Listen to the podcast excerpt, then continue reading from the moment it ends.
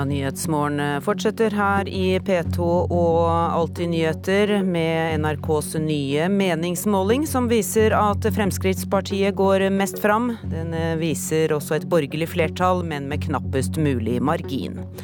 Orkanen Irma er farligere enn Harvey og kan få katastrofale følger for Puerto Rico. Det hevder øygruppas guvernør.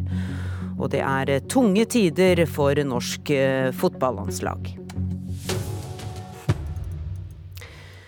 Fortsatt borgerlig flertall på Stortinget, men med knappest mulig margin. Det viser den siste meningsmålingen Norstat har gjort for NRK før stortingsvalget på mandag. Og størst framgang har Fremskrittspartiet, og det gleder partileder Siv Jensen. Det er en vitamininnsprøyting nå i valgkampinnspurten. Meningsmålinga viser at Fremskrittspartiet får støtte fra 17% av velgerne. En framgang på to prosentpoeng fra NRKs måling i forrige uke. Det ville ha gitt partiet to representanter til på Stortinget. Men vi skal huske på at det er jevnt, og at alle resultatene er innenfor feilmargin. Jeg har jo vært her og hatt møte med polisen, som har snakket om eh, hvilke utfordringer man har her i området. Og de forteller jo at det er en del kriminalitet her. Meningsmålinga er tatt opp etter at innvandringsminister Sylvi Listhaug besøkte drabantbyen Rinkeby i Stockholm tirsdag i forrige uke. Vi har ikke sånne områder i Norge som har så store utfordringer. Men vi må passe på at vi heller ikke får det. Da må vi lære. Det er mange som har kritisert Listhaug for dette besøket, men velgerne ser altså ikke ut til å straffe Fremskrittspartiet. Det er i hvert fall slik at en av Fremskrittspartiets fire hovedvalgkampsaker er eh, asyl- og innvandringspolitikk. Vi har snakket mye om det i valgkampen, men vi har da diskutert sak. De andre partiene har gjort alt de har kunnet for å ikke diskutere eh, hvorfor det er behov for fortsatt innstramming i familiegjenforeningsregelverket, eller hvorfor de har stemt ned eh, forslaget fra oss om å gjøre noe med særfordelene for flyktninger. Her ligger noen av utfordringene våre fremover, og jeg skjønner jo kanskje at det er grunnen til at Arbeiderpartiet ikke vil diskutere sak. Arbeiderpartiet går òg litt fram fra forrige uke, men får ikke mer enn 25,8% og ville med et sånt resultat miste ni representanter på Stortinget. Partileder Jonas Gahr Støre sier han fortsatt tror det går an å bytte ut dagens regjering. Nå er det bare én måling som teller, og det er på mandag. Så det kommer liksom én her og én der. Og eh, vi har muligheten inne for å kunne få nytt flertall. Bytte ut den regjeringen. Men det kommer til å kreve hardt arbeid. Og vi skal snakke om politikk, om skole, om eh, eldreomsorg og hvordan vi kan lykkes med å få ned klimautslippene. Det er det velgerne spør om. Eh, og så får vi la tall være tall. KrF går tilbake til 4,5 Venstre er fortsatt under sperregrensa med sine 3,7% Høyre går litt tilbake og får 24,2 Sluttsummen er at de borgerlige ser ut til å få et knapt flertall på Stortinget med 85 mot de rød-grønnes 84 mandater. Det konstaterer statsminister og Høyre-leder Erna Solberg. Det er bra at vi har et borgerlig flertall, men dette er ikke noe jeg kan lene meg tilbake på. For dette er altfor tett, så jeg skal jobbe intensivt de neste dagene, det skal hele Høyre gjøre, for å få alle til å gå og stemme, og for å få flest mulig til å gå og stemme Høyre. Ja, Det sa statsminister Erna Solberg. Reportere var Kjartan Røslett, Eva Marie Bulai, Astrid Randen og Åse Marit Befring. Og politisk kommentator her i NRK, Lars Nehru Sand, hva er det viktigste ved denne målingen? Det viktigste er å notere seg for at dette er den tredje av våre fire valgkampmålinger hvor det er et borgerlig flertall med knappest mulig margin, og kanskje også legge merke til at det skjer selv om Venstre faller under sperregrensen. Eh, så er det verdt å få med seg at eh, Arbeiderpartiet går litt frem, men ligger nå statistisk sikkert under 30 eh, oppslutning. Og det betyr at vi fortsatt vil stå ved en valgnatt hvor Arbeiderpartiets potensielt sett svak svake resultat vil være en av hovednyhetene, uavhengig av, eh, av flertall. Hvilken eh, betydning får det for samarbeidet på borgerlig side hvis eh, dette blir valgresultatet? Jeg tror det blir eh, vanskelig å se for seg noe annet enn at da må de fire partiene sette seg ned og, og, snakke sammen. Så kan selvfølgelig de forhandlingene eller sonderingene brytes sammen, men, men, hvis vi forutsetter at det ikke skjer, så går det mot at dagens regjering blir sittende, men kanskje med en svakere støtte i Stortinget enn man har hatt nå i form av denne samarbeidsavtalen. Så det er verdt å legge merke til at med både Venstre under sperregrensen og KrF, som gjør et svært dårlig valg nede på firetallet og går eh, signifikant tilbake, eh, så betyr jo dette at støttepartiene egentlig har fått den største såkalte regjeringslekkasjen, mens det går så noenlunde greit med Høyre, og Frp ligger an, hvis disse tallene stemmer, til å gjøre det bedre enn de gjorde ved stortingsvalget for fire år siden. Mm. Men du, er det gitt at KrF kommer til å støtte en borgerlig regjering hvis de får et så dårlig resultat? Jeg tror det er gitt at KrF er tvunget til å sette seg ned sammen med Erna Solberg og, og de andre eh, dersom, det, eh, dersom, ikke det borgerlige flertallet som er nå, eh, glipper. Og det tror jeg gjelder enten det er 85 eller 95 mandater til de fire til sammen. Arbeiderpartiet går litt fram fra forrige måling, men er fortsatt under 30% Kan man fremdeles snakke om en krise for partiet, slik det ble gjort ved forrige måling? Ja, det kan man fordi det fortsatt er sånn at Arbeiderpartiet sliter veldig med å rekruttere eh, velgere som stemte på dem sist. Eh, to tredjedeler av de som stemte Arbeiderpartiet i 2013, eh, vil nå gjøre noe annet enn å gjenta sitt partivalg. Det er også sånn at Arbeiderpartiet har 100 000 velgere på gjerdet, altså som er usikre, som de må mobilisere de fem dagene som nå er igjen. Og så skal man legge til at Arbeiderpartiet pleier å vokse fra den siste valgkampuken og frem til valgdagen, men ikke med mer enn 3% Og Hvis Arbeiderpartiet etter fire år i regjering, eh, nei, unnskyld, i opposisjon, eh, gjør det dårligere enn forrige valg, så vil det være oppsiktsvekkende. Og det er også sånn at Selv om de går litt frem, så vil de fortsatt, som i forrige uke, ha en til seg å være liten stortingsgruppe på bare 46 mandat, slik situasjonen også var forrige uke. Mm. Hvordan ligger det ellers an på rød-grønn side? Nei, den, En slags nyhet er jo at Senterpartiet gjør en måling under 10 eh, poengs oppslutning. Det har de også gjort eh, tidligere i denne valgkampen.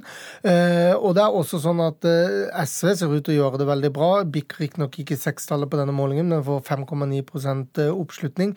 Så de småpartiene rundt Støre har all grunn til å være fornøyd med dette valgresultatet, selv om Vedum selvfølgelig håper på en tosifra oppslutning. Mm. Og til slutt, Lars Nehru Sand, ser vi nå klarere hvordan eh, valget kommer til å ende? Nei, fordi at det er eh, så jevnt med da 85 mot 84 mandater. Det kommer til å være eh, kanskje noen hundre stemmer i noen fylker som vipper noen siste mandat, som vil avgjøre dette. Og med 640 000 velgere på gjerdet som fortsatt ikke har bestemt seg for om de vil stemme, eller hva de vil stemme på, så betyr dette at det i praksis er helt åpent frem til valglokalene stenger på mandag. Så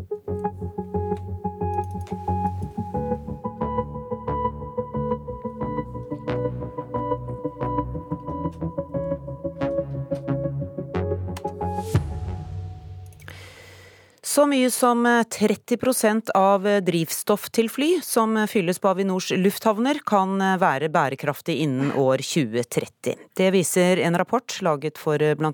NHO Luftfart og Avinor. Biodrivstoffet skal eh, lages av trær fra norske skoger, og tanken er at et eget fond skal bidra til å redusere prisen på biodrivstoffet. Et jetfly på vei mot ankomstgate etter landing. Luftfarten har i dag få reelle muligheter for annen energikilde enn fossilt drivstoff, men et alternativ finnes allerede i dag.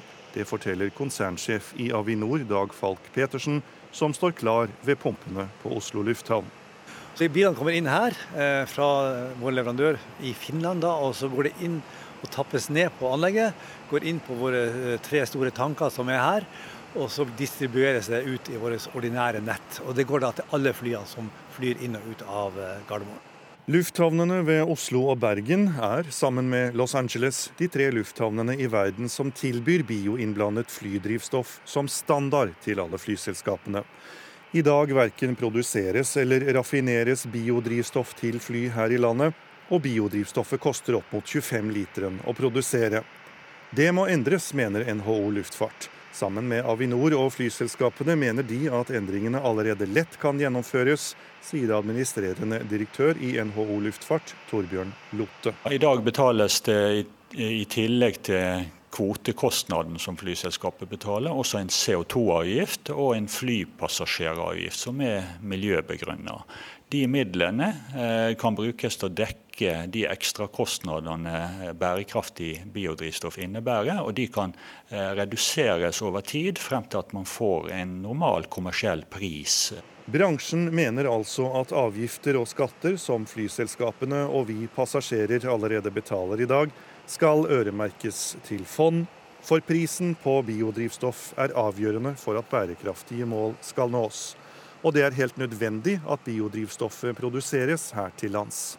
Etter hvert så vil man kunne, kunne, produsere bærekraftig biodrivstoff i Norge basert på norsk skogvirke, eh, slik at man får blanda det inn i, eh, i tankene på flya, og oppnår en betydelig reduksjon i klimagassutslipp fra fly. Storbritannia har allerede vedtatt å opprette et slikt fond med øremerkede midler, men Norge, som er avhengig av luftfarten, henger etter. Nei, Det er jo på høy tid å, å, komme i gang med det her, fordi vi er veldig avhengige av fly i Norge. Både nasjonalt eh, og internasjonalt. Og Da er vi nødt til å gjøre luftfarten mer klimavennlig, slik at vi får til den omstillinga av luftfarten mot en mer klimavennlig transportform. Eksisterende virkemidler er neppe tilstrekkelig for å fremskaffe nok biodrivstoff. For å hente biodrivstoff fra USA, som så raffineres i Finland før det kommer til Norge, slik det gjøres i dag, er slett ingen vei å gå, mener Dag Falk Petersen i Avinor. Vi må ha noen store industrielle aktører, og vi må ha de rette rammevilkårene for å få dette i gang. Og vi har mye skog, og vi har mye ubruksskog, og vi har mye avfall fra skogsbruket. Så her er det muligheter.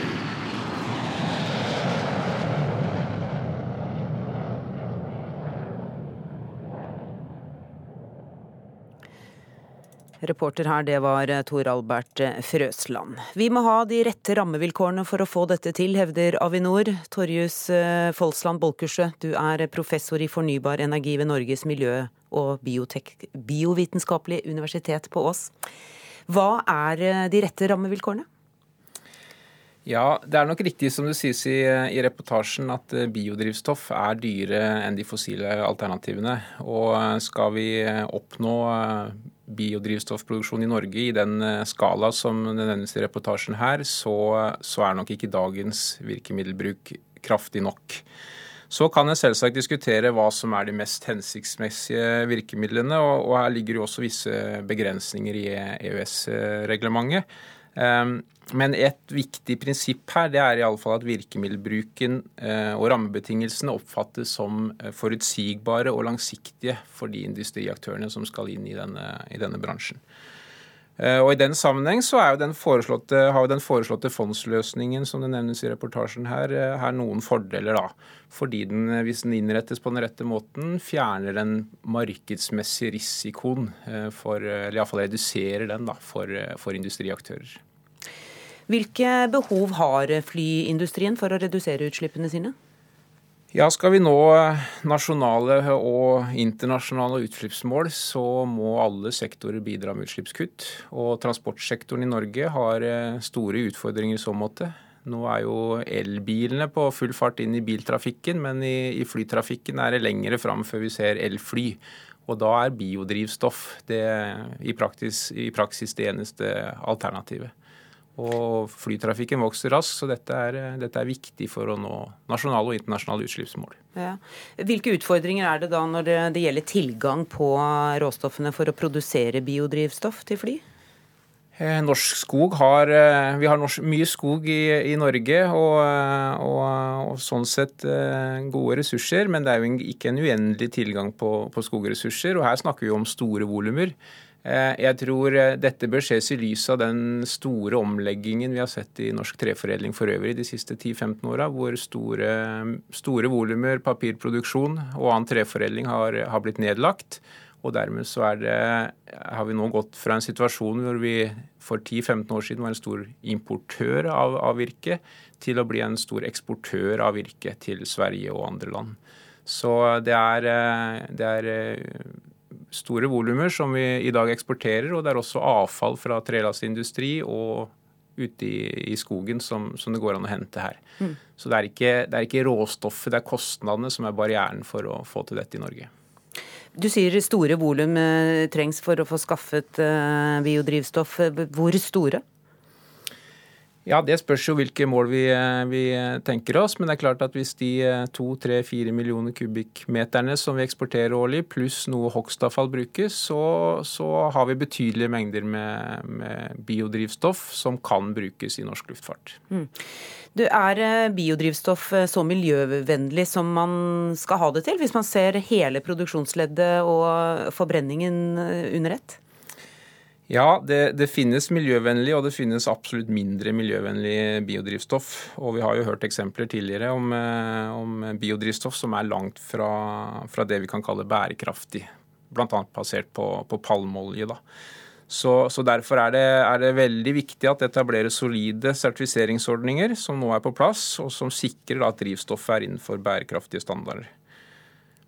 Dernest så er det jo, er det jo sånn at eh, det aller beste er å bruke biomasseressurser til, til biodrivstoff som, som, ellers er avfall. F.eks. hogstavfall eller restprodukter fra sagbruksindustrien. Takk for at du kom til oss her i Nyhetsmorgen, Torjus Folsland Bolkesjø.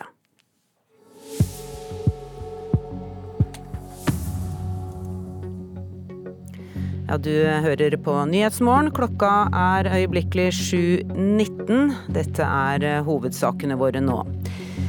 Fortsatt borgerlig flertall på Stortinget, men med knappest mulig margin. Det viser den siste meningsmålingen Norstat har gjort for NRK før stortingsvalget på mandag. Og det er Fremskrittspartiet som går mest fram.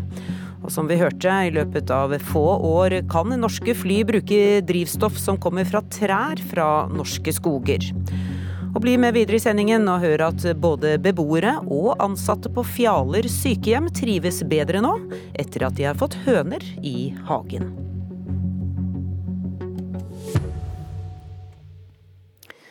Orkanen Irma er farligere enn Harvey og kan få katastrofale følger for Puerto Rico, hevder øygruppas guvernør. Med en hastighet på rundt 295 km i timen nærmer Irma seg nå Karibia, og i den amerikanske delstaten Florida er det erklært unntakstilstand. Det blåser allerede kraftig langs kysten i den karibiske staten Antigua, der Irma er ventet å treffe land i løpet av noen timer. Med en hastighet på opptil 295 km i timen er orkanen oppgradert til kategori 5, som betyr kraftigere vinder enn det orkanen Harvey hadde med seg da den traff Texas. English, English. I Puerto Rico hamstrer folk bensin og mat og tømmer hyllene for kryssfiner for å barrikadere husene sine så godt de kan.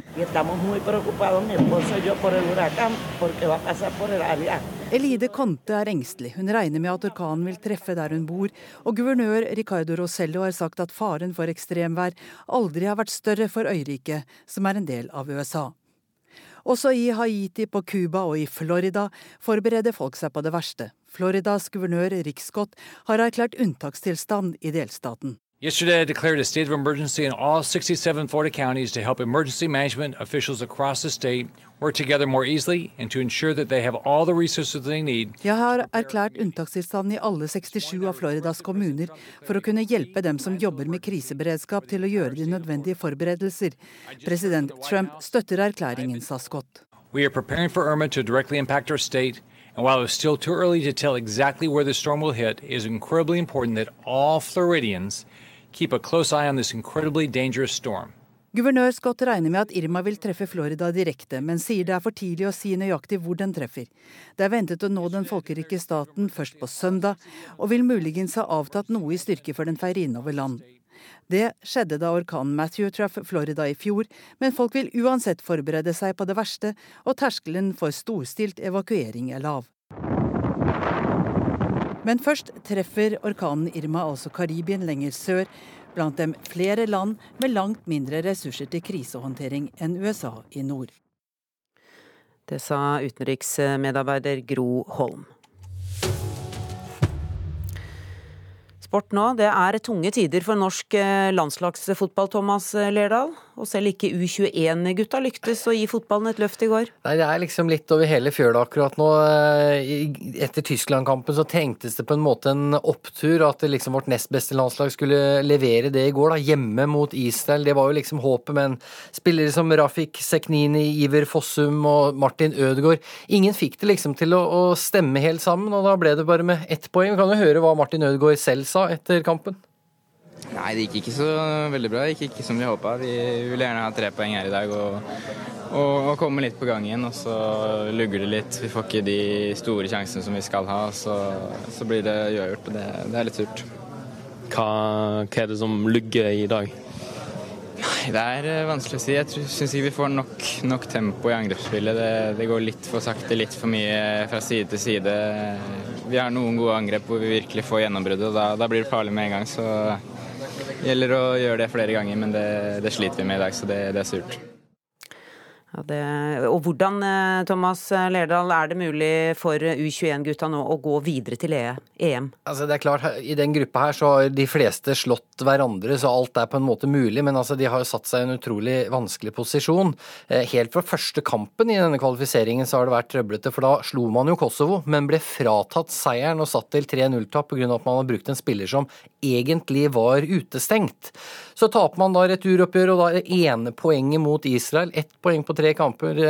Nå er du egentlig der at du må vinne de tre neste før jul, og det innebærer bl.a. også seier mot U21-landslaget til Tyskland. Så, så, dette her er blitt en, en veldig krokete vei, om den er mulig i det hele tatt. Hvordan eh, vil du karakterisere norsk landslagsfotball nå?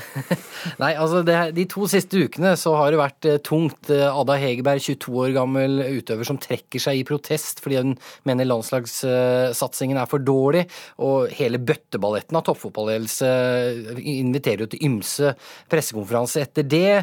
Du har A-landslaget som plutselig blir friskmeldt etter å ha slått Aserbajdsjan 2-0 etter et straffemål et selvmål, som mildt sagt blir jekka ned på jorda igjen med 6-0-tap mot Tyskland. og Det er en VM-kvalifisering som allerede er tapt. U21-gutta i går, og så kan du toppe det da med toppfotballsjefen Nils Johan Sem, som flere ber uh, gå av og slutte i jobben sin nå. Så det, det, er to tunge uker, og det er neppe noe kakeservering på fredag, tror jeg, i Fotballforbundet. Helt kort til slutt, hva må til nå, da, for at vi skal få litt mer positive tilstander? Nei, her er det rett og slett bare resultater som må komme. For, uh, for det, er, det, er, spillere ute i Europa som, som, som biter litt fra seg, så her må man virkelig bare få snudd på ting og revet opp litt skikkelig. Takk skal du ha, Thomas Lerdal. Vi skal eh, til eh, St. Olavs hospital i Trondheim og til de 14 studentene som ble fraktet dit etter å ha inntatt en blanding av eddik og vann i går i forbindelse med en opptaksprøve til, et, eh, til en linjeforening på NTNU. En av studentene fikk alvorlige skader. Organisasjonsdirektør ved NTNU, Ida Munkeby, sier skolen ser svært alvorlig på hendelsen. Vi tar dette veldig alvorlig dette, sånne ting skal ikke skje, rett og slett. Vi har hatt noen hendelser eh, også tidligere, og, og ledelsen ved NTNU har vært i, vært i, dialog med enkelte av linjeforeningen også ved andre anledninger. Så ja, dette tar vi, vi tar det på alvor. Stadig flere sykehjem i Norge skaffer seg sansehager for å aktivisere de eldre og bedre livskvaliteten deres. Eldre ved Fjaler sjukeheim i Dale i Sogn og Fjordane trives godt med høner i hagen. Jeg må komme, tippene. Tipp, tipp, tipp. De er så fine. Og vi er så glad i de alle sammen her. Og vi syns det er så kjekt. Kom an. I hagen på Fjaler sykehjem i Dale er Nordis Bortheim og Hjørdis Brynestad i gang med å mate hønene. Ja, se her, Hjørdis. Nå er det din tur til å ha til hønsene, vet du. Du som lager det til. Ideen om å skaffe høner fikk aktivitør Bjørg H. Yndestad og hjelpepleier Elisabeth Offerdal etter å ha hørt om andre sykehjemmer som gjorde det samme. Vi er vel to ildsjeler som har høns sjøl. Og eh, det er jo populært å få eh, høns i eh, hagene på sykehjemmer. Mer og mer. Og det er verdt å anbefale. Sykehjemmen har hatt sansehage, en hage særskilt utforma for å stimulere minner, i flere år. Og i fjor flytta fem høner inn. Og de havre, og så er ikke det det de får. Og så sånn. Ja, så mat her så de skiver fra skalker som de har her inne på brødet. Og så er det veldig sosialt. Ikke minst, syns jeg iallfall. Tilsatt ved sykehjemmet, Roger Ellingsen, merker stor skilnad på trivselen til de eldre før og etter at de fikk høner. Det er høyere trivselsfaktor, det kan jeg si. Du kan gå ut og slippe ut hønene hele tida. Og da får du med en gang noe som skjer. Du åpner døra, og så løper de ut. Og så har du med en gang sånn Da har du underholdning med en gang. Det er sånn veldig kjekt. For 86 år gamle Nordis bringer hønene fram minner fra barndommen. Ja, da vi hadde litt jeg bodde på Bortheim, ja. Da hadde vi litt hønser. Men jeg syns det er mye kjekkere med disse. Jeg syns det er så kjekt at du har det ikke der. Ja, for det er så alle sier der inne òg. Det er så kjekt når vi kommer ut der. Fint vær, sitt med en hel gjeng. Det er så fint. Så er det veldig kjekt når vi ser at det er egg inne.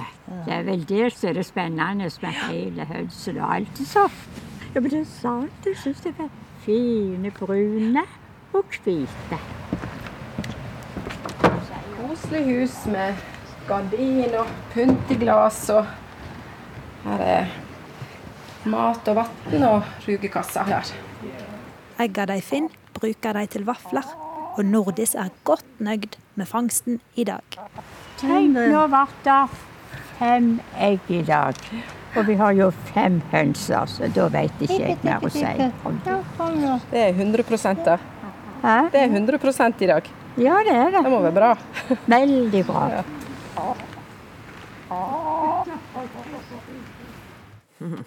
Reporter var Synne Ulltang.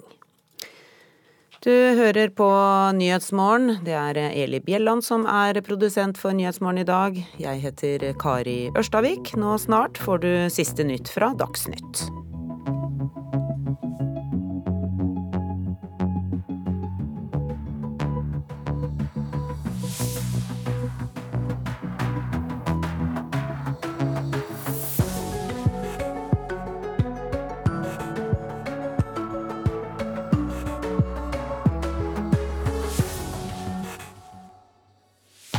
Studio 2. Tenk hvis du ikke fikk tak i vann eller mat eller medisiner.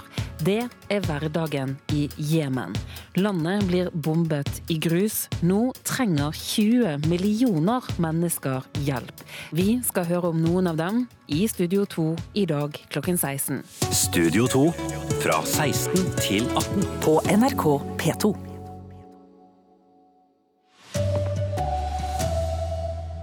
Frp går mest fram på ny måling, som gir knappest mulig borgerlig flertall.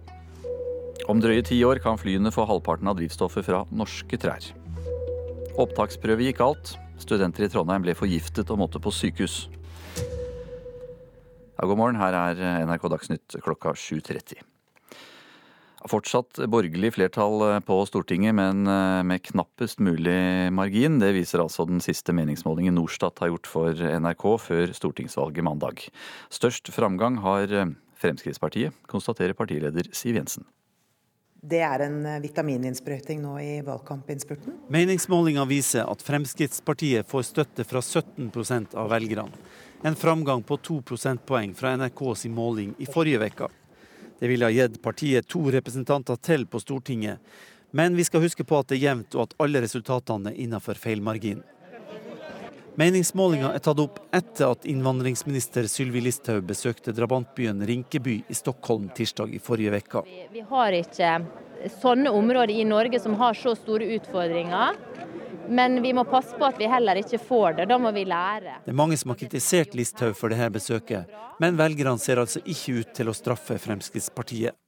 Arbeiderpartiet går òg litt fram fra forrige uke, men får ikke mer enn 25,8% og ville med et sånt resultat miste ni representanter på Stortinget. Partileder Jonas Gahr Støre sier han fortsatt tror det går an å bytte ut dagens regjering. Men det kommer til å kreve hardt arbeid, og vi skal snakke om politikk, om skole, om eldreomsorg og hvordan vi kan lykkes med å få ned klimautslippene. Det er det velgerne spør om, og så får vi la tall være tall. KrF går tilbake til 4,5% Venstre er fortsatt under sperregrensa med sine 3,7% Høyre går litt tilbake og får 24,2 Sluttsummen er at de borgerlige ser ut til å få et knapt flertall på Stortinget med 85 mot de rød-grønnes 84 mandater. Det konstaterer statsminister og Høyre-leder Erna Solberg. Det er bra at vi har et borgerlig flertall, men dette er ikke noe jeg kan lene meg tilbake på. For dette er altfor tett, så jeg skal jobbe intensivt de neste dagene, og det skal hele Høyre gjøre.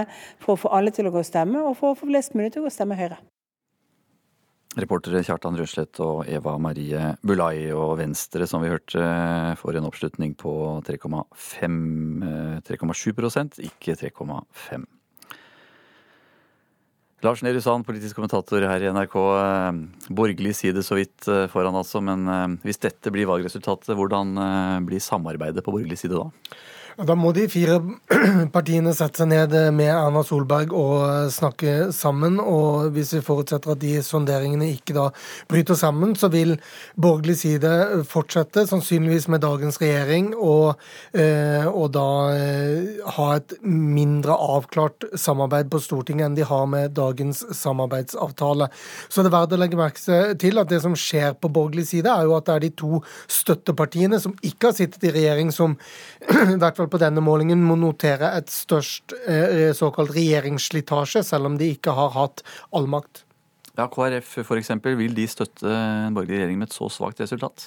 Det tror jeg de er nødt til, så lenge det borgerlige flertallet ikke faller. Det er det de har sagt. Og så kan selvfølgelig et uh, samarbeid uh, ryke i løpet av en periode, men, men, jeg tror de må fortsette det samarbeidet som skjer nå, så lenge velgerne fortsatt gir et eh, borgerlig flertall. Men her er det da med knappest mulig margin. Det er mange hundre tusen velgere på gjerdet, så i praksis er det dødt løp rett før valgdagen.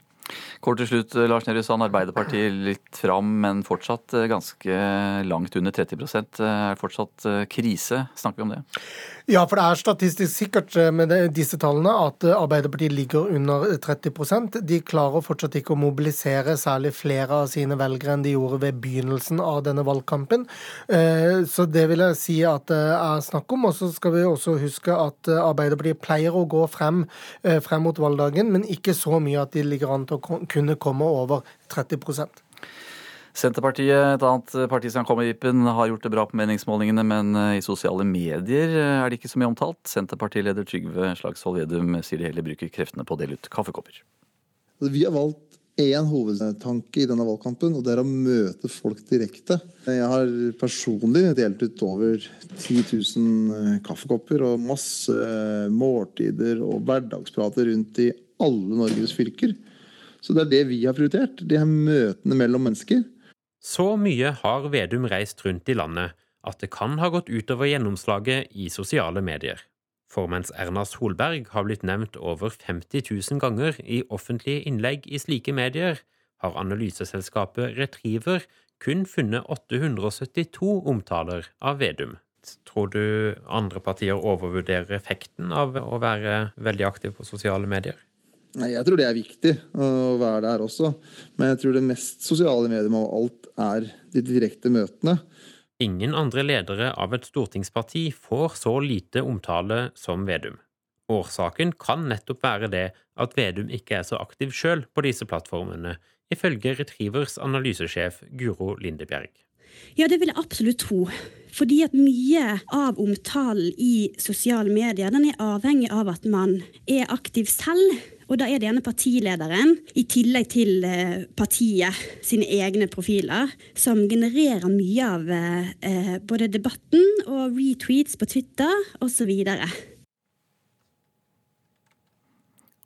Reporter Hans Kosso Eide. 14 studenter i Trondheim ble i går fraktet til sykehus etter å ha drukket eddik under en studentfest ved NTNU. For en av studentene er situasjonen fortsatt alvorlig, opplyser St. Olavs hospital. Hendelsen skjedde under en opptaksprøve ved Fakultetet for ingeniørvitenskap. Det sier organisasjonsdirektør Ida Munkeby. Vi har hatt noen hendelser eh, også tidligere, og, og ledelsen ved NTNU har vært i dialog med enkelte av linjeforeningen også ved andre anledninger. Sier organisasjonsdirektør Ida Munkeby ved NTNU om tidligere diskusjon om opptaksprøver ved linjeforeninger. Tirsdag gikk det gale da 14 studenter ble frakta til sykehus etter å ha fått i seg eddik under en opptaksprøve. Flere av de fikk etseskader i munnhåla, sier informasjonsdirektør Marit Kvikne ved St. Olavs hospital. Ja, Det er altså fire da, som er innlagt. Tre er her til observasjon for sikkerhets skyld, mens den siste, den ene, en mann, ligger på intensivavdelinga og har alvorlige skader. Tilstanden til mannen er fremdeles uavklart og alvorlig. Munkeby ved NTNU sier de tar hendinga og situasjonen på høgste alvor. Så har det vært noen runder i forbindelse med noen av opptaksprøvene litt over år, hvor man nå har hatt noen samtaler eh, underveis. Og, og nei, dette her er bare veldig uheldig, rett og slett. Reporter her, det var Hans Olav Riise.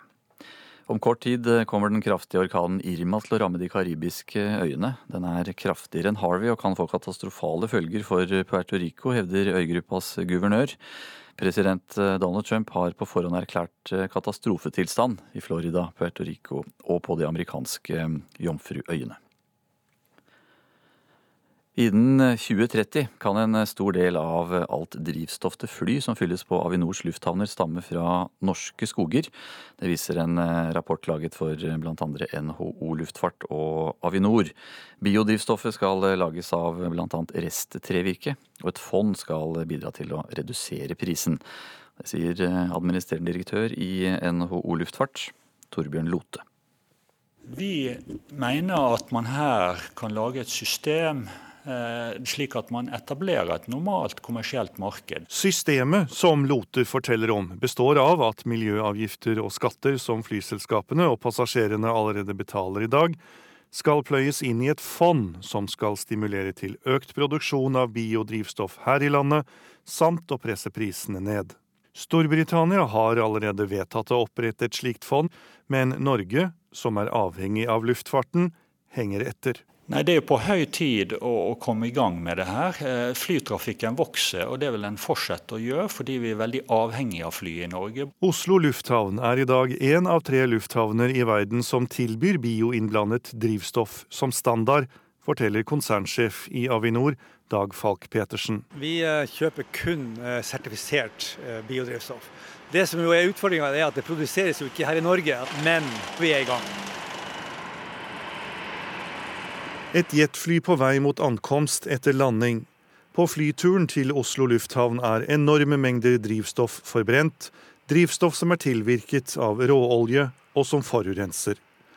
Avinor vil ha biodrivstoff produsert i Norge på flytankene. Vi mener at innen 2030 så skal vi kunne ha 30% innblanding av biojetfuel. Men vi produserer ikke i Norge, og det er jo det vi ønsker, en, en nasjonal produksjon. Det sa Dag Falk Petersen, han er konsernsjef i Avinor. Reporter her, det var Tor Albert Frøsland. Det er eh, Arild Svalbjørg som har ansvaret for NRK Dagsnytt i dag. Jeg heter Anders Borgen Werring.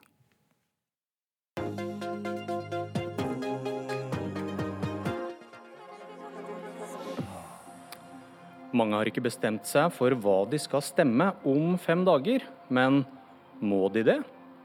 Og når protestpartiet ble regjeringsparti, hvorfor ble det ikke kvernet i stykker? Trenger vi en Frp-kode 2.0? Velkommen til Politisk valgkvarter. Hvis dere hører godt etter, så regner det på vårt studio utenfor eh, Stortinget. Men til saken. Fremskrittspartiet har 17% av velgerne bak seg i vår meningsmåling i dag. Litt over valgresultatet for fire år siden. På snittet av alle meningsmålingene siste uka er de litt under rundt 15. Og Magnus Marsdal, leder av Manifest Tankesmie og forfatter av boka Frp-koden, velkommen. Takk. Var du en av dem som trodde ansvaret, regjeringsmakten, skulle slite Frp i stykker da de sank ned mot ensifra oppslutning for to år siden? Ja, og det var i hvert fall mange på min eh, rød-grønne side av politikken som før Frp ble regjeringsparti sa at bare la dem slippe til regjering, så skal de se, og det er like så godt at de får prøve seg, for da går lufta ut av ballongen osv. Dem har jo en dårlig dag i dag, når Frp har målinger på høyde med det de gikk inn i regjeringsperioden med. Riktignok er det for tidlig å si om de blir værende på det høye tallet som de har i dag, men de har i hvert fall klart seg vanvittig mye bedre enn SV gjorde gjennom åtte år i regjering, som ble veldig desimert av denne juniorposisjonen. og alt tyder nå på at Fremskrittspartiet i eh, årets valgkamp er bedre til å få tak i hjemmesitterne, de berømte sofavelgerne, de som såkalt er på gjerdet, enn det Arbeiderpartiet har vært. Ja, for du mener at Frp-velgerne og Arbeiderparti-velgerne har noe til felles?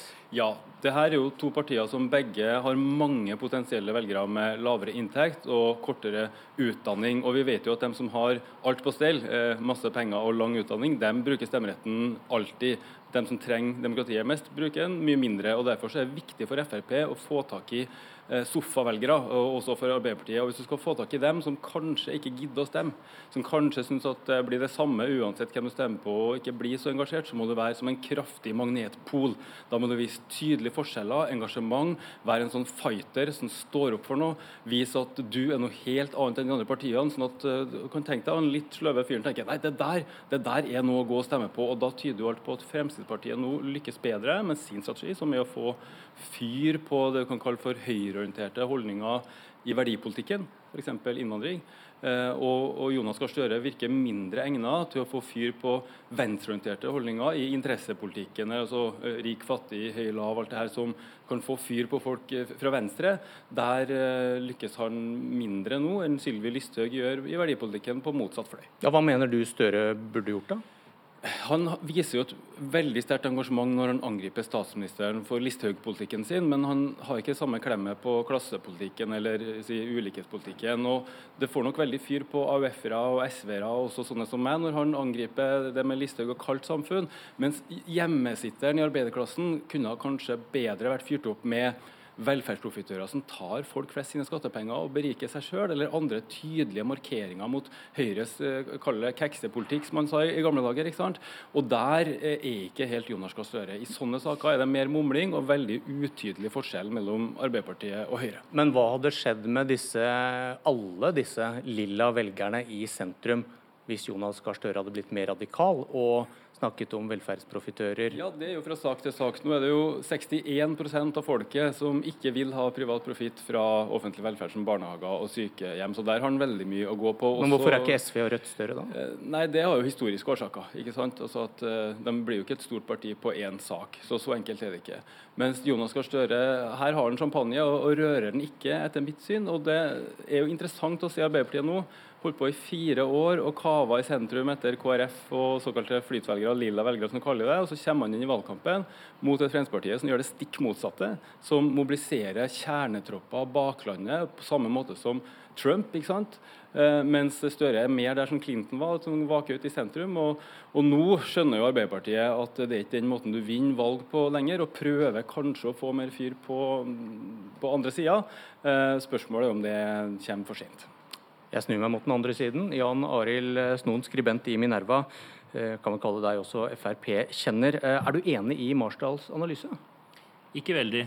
Jeg tror at eh, det viktigste når det gjelder å stemme seg mellom Arbeiderpartiet og Frp, er andre ting enn de økonomiske. Går, ikke, ikke, klasse? Ikke klasse. Jeg tror for de fleste av, de, av disse velgerne, og de, det er en del velgere der, så dreier det seg om identitet, norskhet, innvandring, eh, kultur i bred forstand. Og at den økonomiske appellen er begrenset. Det finnes noe innenfor arbeidsmarkedet og litt sånn konkurranse om velferdsordninger, velferdsgoder. Så, så, hva ville skjedd hvis eh, Støre fulgte Marsdals eh, analyse? Jeg tror at han ville kunne ta noe flere velgere som nå går til SV, og kanskje noe som går til Rødt. Og så ville han miste velgere også til Høyre hvis han gikk til, enda mer til venstre i økonomisk politikk. Så netto tror jeg ikke det er noen vinner. Ja, Det er en liten misforståelse. Jeg snakker ikke om velgere som går mellom Fremskrittspartiet og Arbeiderpartiet. Det er relativt få. Jeg snakker om folk som går mellom sofaen og begge de partiene. altså Den magnetpolen du må være. og Den handler ikke bare om enkeltsaker. Den handler om hvilket bilde tegner politisk debatt av samfunnet. Altså hvilke motsetninger blir viktiggjort i samfunnet. og Der er Fremskrittspartiet en, en maskin på å tegne opp motsetninger mellom de norske og de andre. og Få politikk til å handle om innvandring eh, og den motsetninga. Mens Arbeiderpartiet i gamle dager var jo en tydelig aktør for å få fram forskjellen mellom rik og fattig, høy og lav, og, og, ingen var noe tvil om hvor de sto der. I dag så er jo flere i tvil, ikke sant? sånn at det blir harde konfrontasjoner i det vi kaller verdipolitikken. Eh, og så blir det mumling i interessepolitikken. og Der tror jeg det er et ubrukt potensial. og det er klart at Høyresida sine representanter de mener aldri at Arbeiderpartiet bør gå til venstre i økonomisk politikk, f.eks. For i forhold til velferdsprofitørene. Men det er jo ikke sikkert at Arbeiderpartiet bør ha alle sine rådgivere der. Men du, du mener da at, eh, at, Arbeiderpartiet har noe å hente på denne konfrontasjonen med Frp og Listhaug, nettopp når det gjelder disse sofavelgerne? Ja, som Marsdal, ja. ja. Først Marsdal. Det er vel kanskje andre som har en agenda her også, som ønsker å ha, ha Arbeiderpartiet lenger til venstre. Uh, ja, jeg tror, jeg tror, ikke de jeg tror ikke de har så mye å hente på som sagt, å gå dit. Fordi det er Ja, det er riktig, det sitter noen i sofaen også. Men Jonas Gahr Støre har etter min mening snakket mer om disse venstreorienterte sakene. altså Han vil øke skattene, det vil ikke Stoltenberg. Han snakker mer om, om fordeling enn Stoltenberg gjorde. Men Jonas Gahr Støre kommer til å gjøre et vesentlig dårligere valg enn Jens Stoltenberg gjorde. Du, hva, hva er vanskelig, men hva er årsaken til at Frp ikke forvitrer i regjering? Eh, et gammelt protestparti som blir et ansvarlig parti og får makt?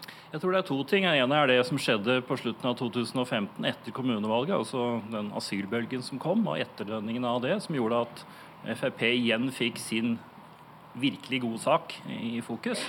Og det er det fremdeles nå. Tar de æren for at de har fått ned eh, tallene? Eh, så kan man diskutere hvor mye det er reelt. Men det er i hvert fall sånn at veldig mange av FrPs velgere fra 2013 føler at de har levert. Den andre tingen er at Frp har fått med seg Høyre på å bruke penger på alt mulig.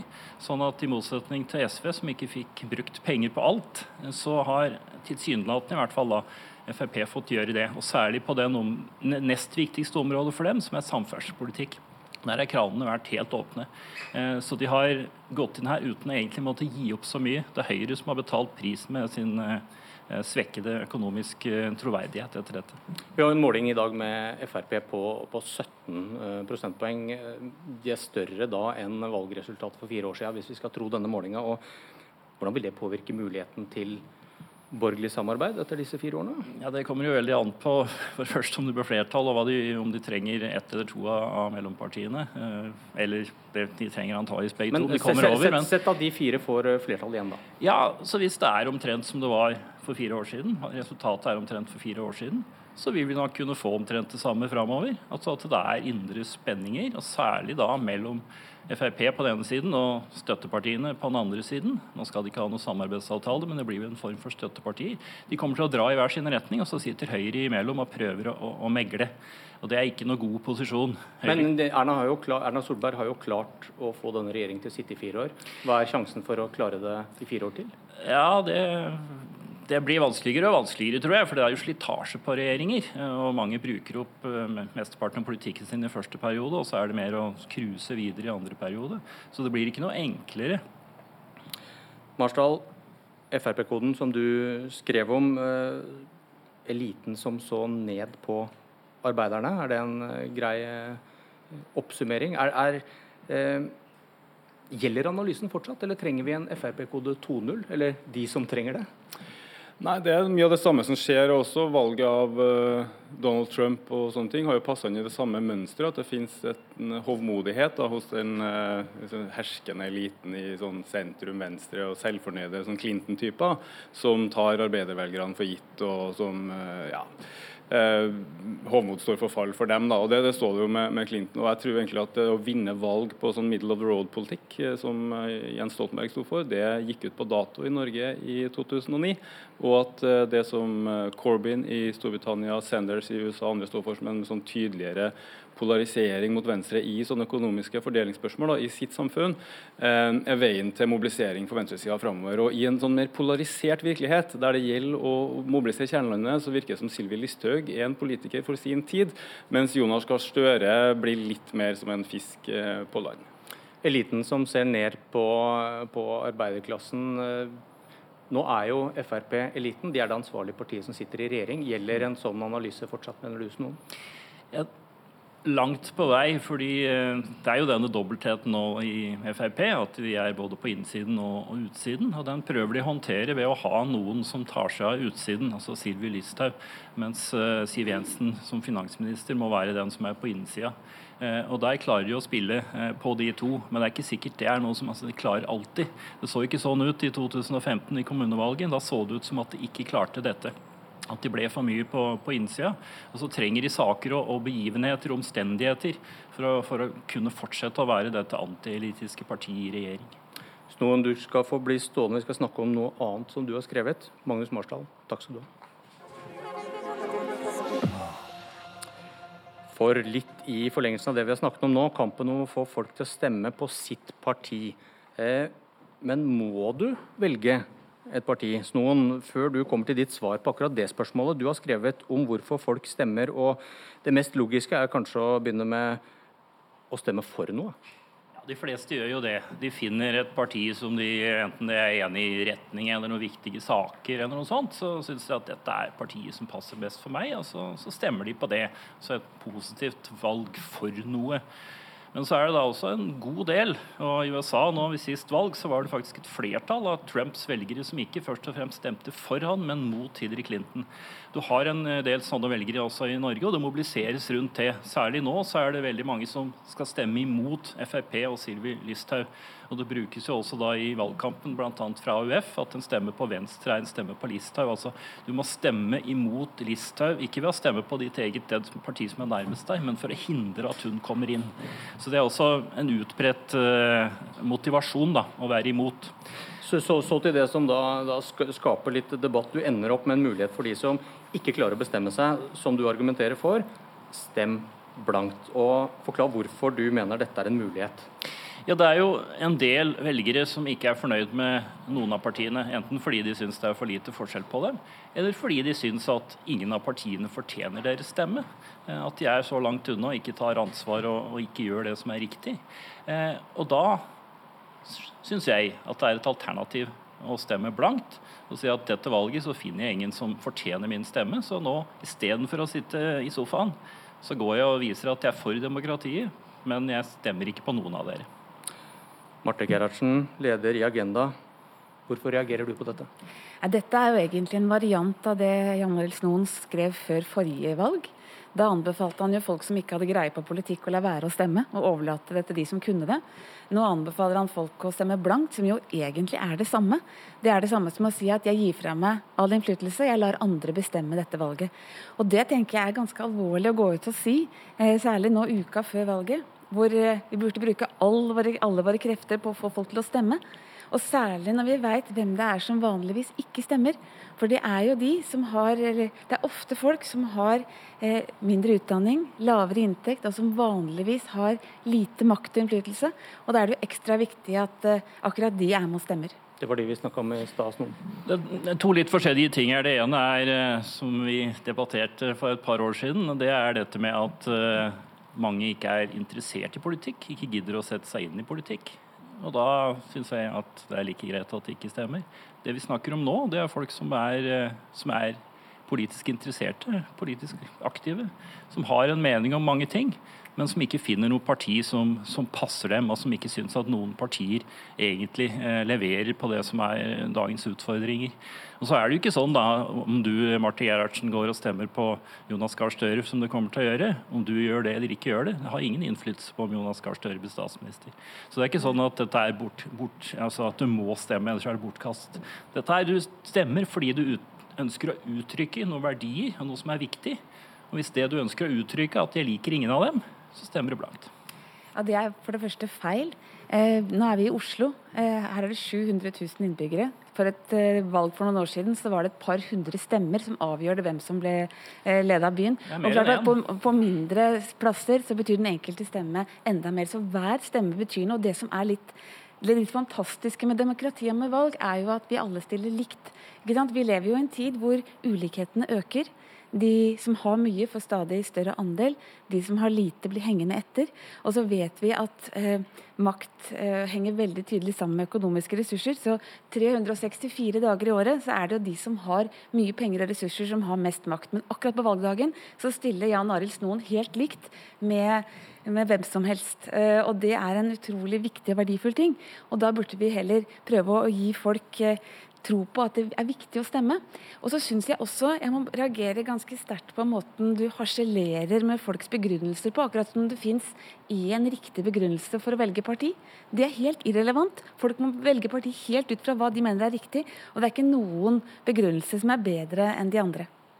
Det er mer eller mindre informert. Jeg syns ikke at de som vil kaste terning, at det er en god måte å gjøre det på. Men det skal ikke hindre noen å stemme. Det er greit for alle å stemme. Det vi snakker om nå, er de som ikke finner noen partier som de liker. Om de da skal stemme på noen som de bare fordi de misliker noen andre mye mer enn sånn. Men det finnes noen som, eh, som, ikke helt finner fram nå, eh, og i andre valg også, som ikke syns at noen fortjener stemmen. Jeg syns det er en helt grei standpunkt, og synes at ingen av partiene fortjener din stemme. Det, det, du gjør med dine utspill, både denne gangen og, og forrige gang, er jo på en måte å si at eh, folk skal tvile på sin begrunnelse for å stemme.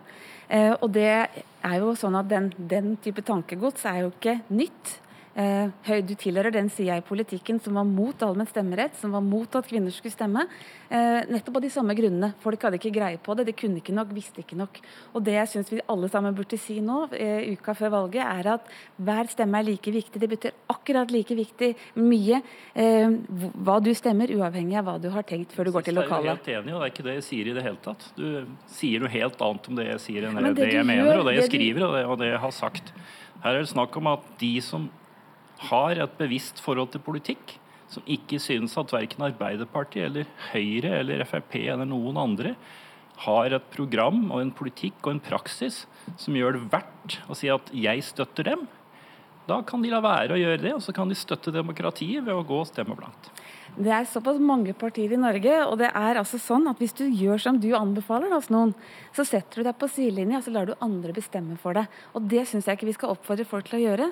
Alle bør være med og bestemme. Det er sånn det blir demokrati. Et spørsmål til slutt til hver av dere. Først til deg, Gerhardsen. En, et smil på Eidsvolls plass og en rød rose, er det god nok grunn til å stemme på Arbeiderpartiet, hvis du ellers ikke mener noe særlig om politikken deres? Jeg syns alle grunner til å stemme, til å stemme Arbeiderpartiet, hadde jeg på å si, til å stemme, eh, eh, er like gode. Og det er i hvert fall ikke Arild Alle, Han snakket om terning her i stad. Er det en god grunn? Du, du, du har en rett til å stemme, men har du ikke et moralsk ansvar for og når du skal påvirke andre. For når du, når, du, når du, stemmer, så påvirker du andre ved å si hvem som skal bli statsminister. Ja, men vi blir alle påvirka av politikk. Og vi vet at de som ofte ikke stemmer, er kanskje de som blir mest påvirka, og som har minst makt og innflytelse ellers. Og det er bare å jeg, jeg mener at hva slags beveggrunn du har, er ikke så viktig. Det er viktig at du faktisk er med eh, og bidrar. Ok, Snoen, eh, deg til slutt. Eh, mange partier i denne, i denne valget balanserer på sperregrensa. Og da si at det betyr ikke noe hva du stemmer, faller ikke det litt på tallenes tale, som du ellers er veldig opptatt av? Her kan, kan hver stemme telle på hvem som blir statsminister? Nei. Nei. Fordi altså disse 200 som Marte Gerhardsen snakker om, det er 200. Det er ikke én. Det er 200 enkeltpersoner, jo, jo. det betyr Men det er, det, er ikke sånn, det er ikke derfor du stemmer, etter min mening. Du stemmer ikke fordi du tror at jeg kommer til å avgjøre. Du stemmer fordi du tror, mener at dette er verdt å stemme på. Dette liker jeg, dette er jeg for. Jan Arild Snoen, Marte Gerhardsen, takk for at dere kom til Politisk valgkvarter. Jeg heter Bjørn Myklebust.